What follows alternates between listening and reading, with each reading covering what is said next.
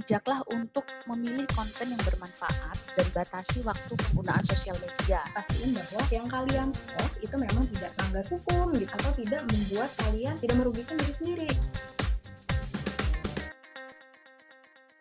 Kali ini keren melaksanakan seminar bertemakan uh, yep, kembali lagi tadi millennials diet for social media. Nah, ini nih kenapa kita sulit meninggalkan media sosial gitu ya terlebih ketika pandemi ini gitu rasanya udah aduh nggak bisa lepas lah dari sosial media gitu ya nah ini karena ada beberapa faktor pendukung penggunaan sosial media yang pertama adalah rendahnya kontrol diri jadi low self control ini eh, mengakibatkan seseorang itu cenderung kesulitan untuk mengatur penggunaan internet supaya nggak berlebihan dan sesuai kebutuhan gitu. Nah ini kuncinya ada di dalam diri kita teman-teman. Kalau kita bisa mengendalikan diri kita gitu ya. Kita harus tahu nih batasan waktunya, kemudian uh, sosmed itu kita pakai sampai sejauh apa, dampaknya apa. Nah, itu kita harus tahu nih gitu. Kemudian yang kedua adalah uh, internet availability, ketersediaan dari jaringan internet gitu ya. Ketika kita tinggal di kota yang besar gitu ya, semua fasilitas ada, kecepatan internet, sinyal semua mendukung, itu juga pasti akan meningkatkan intensitas kita untuk menghabiskan waktu dengan sosial media gitu. Beda mungkin dengan teman-teman yang tinggalnya di daerah yang masih belum uh, kuat gitu sinyalnya atau jaringan internet juga masih terbatas, mungkin untuk penggunaan sosmednya juga akan lebih sedikit dibanding kita yang tinggal di kota besar gitu ya. Fasilitas internet yang gampang ditemukan, dapat digunakan di mana saja, kapan saja, ada yang berbayar, ada yang gratis gitu ya. Itu akan mendukung kita untuk terus connect sama internet sama sosmed. Kemudian juga yang ketiga adalah anonimitas yang tinggi gitu.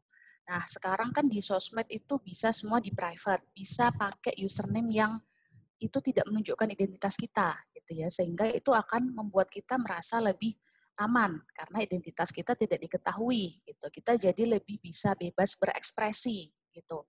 Nah, interaksi yang melalui media sosial media ini juga punya resiko yang rendah gitu dibandingkan kita berinteraksi secara langsung gitu. Kalau kita anonim, kalau kita nggak diketahui, otomatis kita mau komentar apa, mau ngasih omongan apa, kan nggak ada yang tahu juga gitu. Resikonya lebih kecil untuk berkonflik dengan orang lain dibandingkan kalau kita tetap muka secara langsung gitu. Kita tetap muka secara langsung, terus ngomongnya nggak baik, otomatis kan langsung ribut tuh jadi konflik. Nah, kalau kita anonim di sosmed kan aman, nggak ada yang tahu tuh kita siapa itu akhirnya mendukung kita untuk terus pakai sosmed gitu.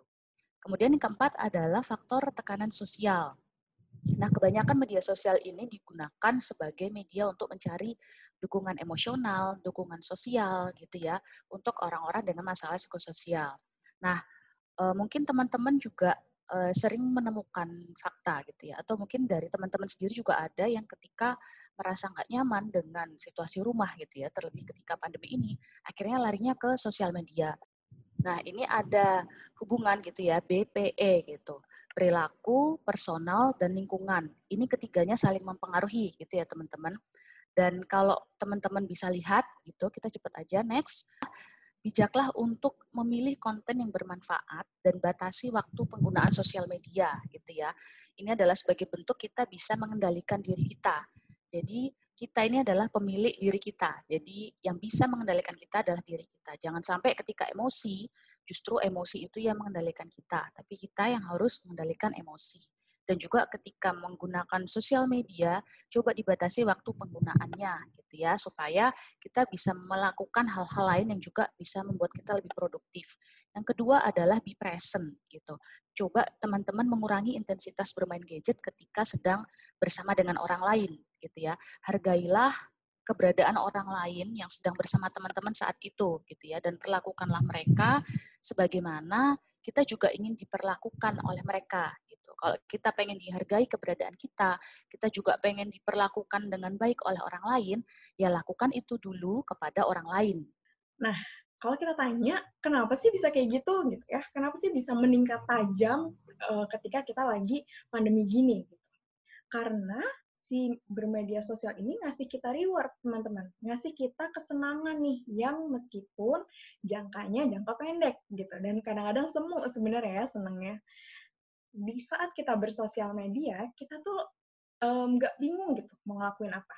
Kita tahu, oh oke, okay, mendingan daripada ngapa-ngapain, saya sosial media aja nih, saya buka Instagram aja nih, atau nge-tweet aja di Twitter, atau lihat-lihat TikTok, atau apa gitu ya kita jadi nggak bingung nih mau ngapain gitu. Beda kalau misalnya nggak ada sosial media, teman-teman diminta untuk membuat um, aktivitas nih untuk menyusun aktivitas. Aduh ngapain ya bangun tidur kok garing banget kayaknya. Habis sarapan ngapain dong?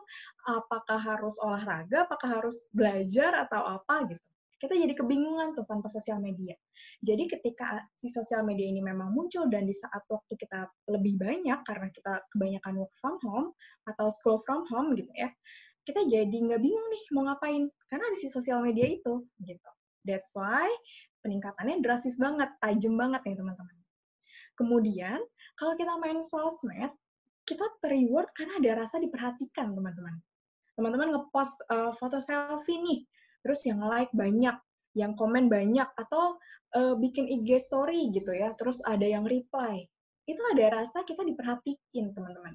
Beda mungkin ketika misalnya di rumah gitu ya, rumahnya sepi nih, uh, orang tua kerja, kemudian kakak juga kerja misalnya, adik lagi sekolah atau apa gitu. Beda ketika di dunia nyata. Ketika kita ada di dunia maya, kita ngepost sesuatu itu bisa banget untuk mendapatkan respon dari orang lain gitu. Jadi rasa diperhatikan ini muncul ketika kita bermain sosial media. Antisipasi juga nih dampak negatif yang mungkin muncul ketika kita bersosial media. Salah satunya adalah perbandingan gitu. Um, kita ngeliat sosial media nih ya yang paling mungkin yang paling ini banget sekarang Instagram atau TikTok atau Twitter gitu ya. Ketika kita ngelihat itu, katakanlah kita main Instagram, terus kita ngelihat postingan teman. Wih, teman saya baru posting dia baru lulus S2 cum laude di uh, London misalnya. Terus kita secara nggak langsung tuh membandingkan dengan diri kita. Ya, saya mah apaan lagi?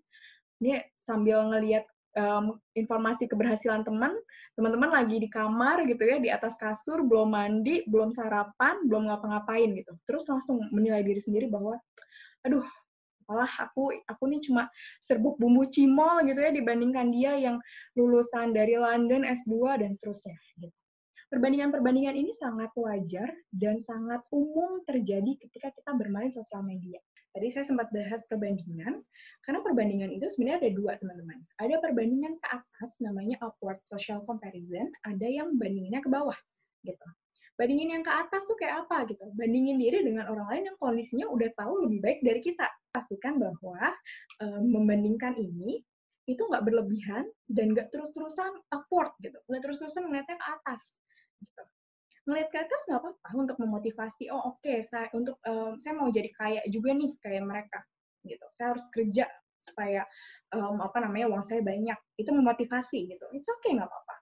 Tapi jangan terlalu berlebihan gitu. Karena ketika berlebihan itu tadi nanti malah jadi bikin kepercayaan diri kita rendah gitu. Nah selain upward social comparison atau uh, bandingin ke atas ada yang bandinginnya ke bawah. Bandingin ke bawah ini bandingin dengan kondisi yang sorry ini ada typo ya membandingkan diri dengan orang lain yang kondisinya tidak lebih baik dari kita gitu jadi teman-teman ngebandinginnya dengan uh, orang lain yang teman-teman tahu nih bahwa oh mungkin secara uh, finansial jauh di bawah saya dan seterusnya. Gitu. Perbandingan ini pun nggak apa-apa teman-teman. Nggak apa-apa dalam artian bukan berarti teman-teman punya hak untuk menjudge gitu ya atau menghakimi mereka. Enggak. Tapi perbandingan ke bawah ini di sini dilakukan ketika teman-teman ngerasa bahwa aduh hidup saya kok kayaknya uh, buram banget gitu. Hidup saya kok gelap banget nih gitu it's okay untuk membandingkan ke bawah dulu. Supaya kenapa? Supaya teman-teman ada rasa syukur nih, gitu. Bahwa, oke okay, ternyata ada yang tidak seberuntung saya, gitu. Karena kadang-kadang kita nggak ngeh nih apa yang kita punya, gitu.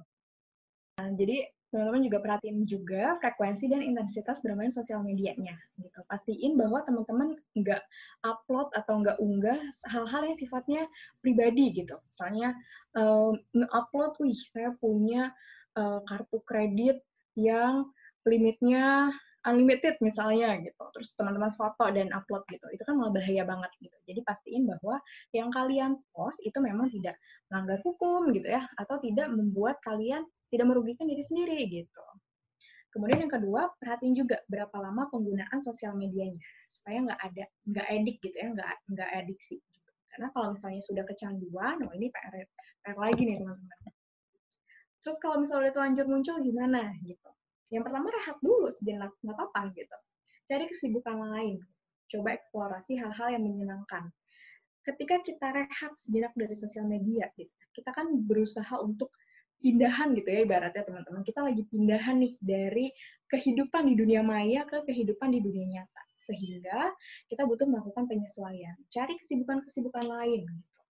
Kemudian ketika rehat, pastiin juga cara untuk mempertahankan rehatnya gitu. Wah, saya rehat seharian.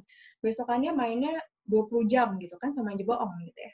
Jadi uh, rehat sih nggak apa-apa rehat, tapi pastiin maintenance-nya nih gitu. Kemudian kenali diri kita sendiri. Saya ini kenapa sih seneng banget main sosial media gitu. Oh ternyata sosial media itu membuat saya merasa kebutuhan afeksi saya atau kebutuhan saya akan kasih sayang tuh terpenuhi karena orang-orang tuh komen-komennya baik banget ke saya salah seperti itu. Kalau sudah tahu tentang hal ini maka coba untuk mencari secara nyata gitu. Oke saya mau dapat kasih sayang secara langsung gitu. jadi kita pindahan nih dari dunia maya ke dunia nyata. Kemudian yang terakhir kalau ngerasa sosial medianya udah aduh mengkhawatirkan banget saya nggak bisa lepas dari handphone coba hubungi profesional. Oke, tentunya dengan kebutuhan e, media sosial ini untuk menunjang aktivitas kita, tentunya ada pengaruh positifnya juga dong, teman-teman. Nah, yang pertama, pengaruh positif media sosial adalah kita bisa belajar gitu, mencari edukasi, mencari e, misalnya motivasi, cari inspirasi, atau mungkin di antara teman-teman yang kuliah gitu dengan pengajaran online yang kadang dosen menjelaskan tuh kayak nggak ngerti gitu ini jelasin apa karena pembelajarannya berbeda. Nah biasanya kan cari di YouTube, cari di internet gitu supaya lebih paham lagi. Terus yang kedua gitu dengan pengaruh positif media sosial juga kita bisa nambah koneksi, bisa nambah teman baru gitu dan tentunya juga mungkin buat kalian gitu yang dulu mungkin kayak takut masih gugup gitu kenalan sama orang baru sekarang di media sosial kita bisa lebih gampang gitu untuk kenalan karena ini juga bisa melatih komunikasi kalian juga gitu walaupun hanya dari chat juga gitu. Nah, terus yang ketiga tentunya berbagi konten yang bermanfaat gitu. Apalagi uh, saya gitu sebagai konten kreator gitu. Media sosial ini ngebantu banget gitu, punya pengaruh positif juga gak cuma buat diri saya tapi juga buat orang lain juga gitu. Pengaruh negatifnya bermain media sosial yang sering saya temukan gitu baik dari follower saya gitu terutama yang pertama tuh media sosial tuh jadi tempat buat ngebandingin diri kita sama orang lain gitu. Nah, yang kedua, gak pede sama diri sendiri. Nah, maksudnya ketika kita ngeliat temen postingan temen kita, kita jadi kayak mikir itu kayak gini ah gue pengen kayak dia nih punya mobil eh punya barang ini punya baju kayak begini terus dia jago up jago public speaking misalnya atau jago dance gitu atau jago menggambar. Gue pengen, pengen kayak dia gitu. Tentu boleh-boleh aja sebenarnya untuk apa ya maksudnya membandingkan untuk termotivasi gitu pengen jadi kayak dia. Tapi ketika hal itu malah menghilangkan jati diri kita gitu. Tentu ini hal yang nggak baik juga gitu teman-teman. Malah ketika ibaratnya kayak kita tuh kayak pakai topeng gitu. Topeng orang lain sehingga kita pun jadi lupa siapa diri kita, lupa akan kelebihan kita tuh apa gitu. Pada akhirnya ya kita jadinya capek sendiri gitu. Gitu. Nah, masalahnya bukan karena membandingkannya gitu, tapi cara kita menilai dan menghargai diri kita gitu saat kita membandingkan diri dengan orang lain selama saya belajar gitu, selama saya bikin konten gitu, saya menemukan gitu. Jadi sebenarnya bukan karena kita ngebandinginnya gitu, ngebandingkan orang lain, diri kita sama orang lain gitu. Tapi cara kitanya menilainya tuh kayak gimana gitu. Standar apa sih yang kita gunain gitu untuk menilai dan menghargai diri kita gitu.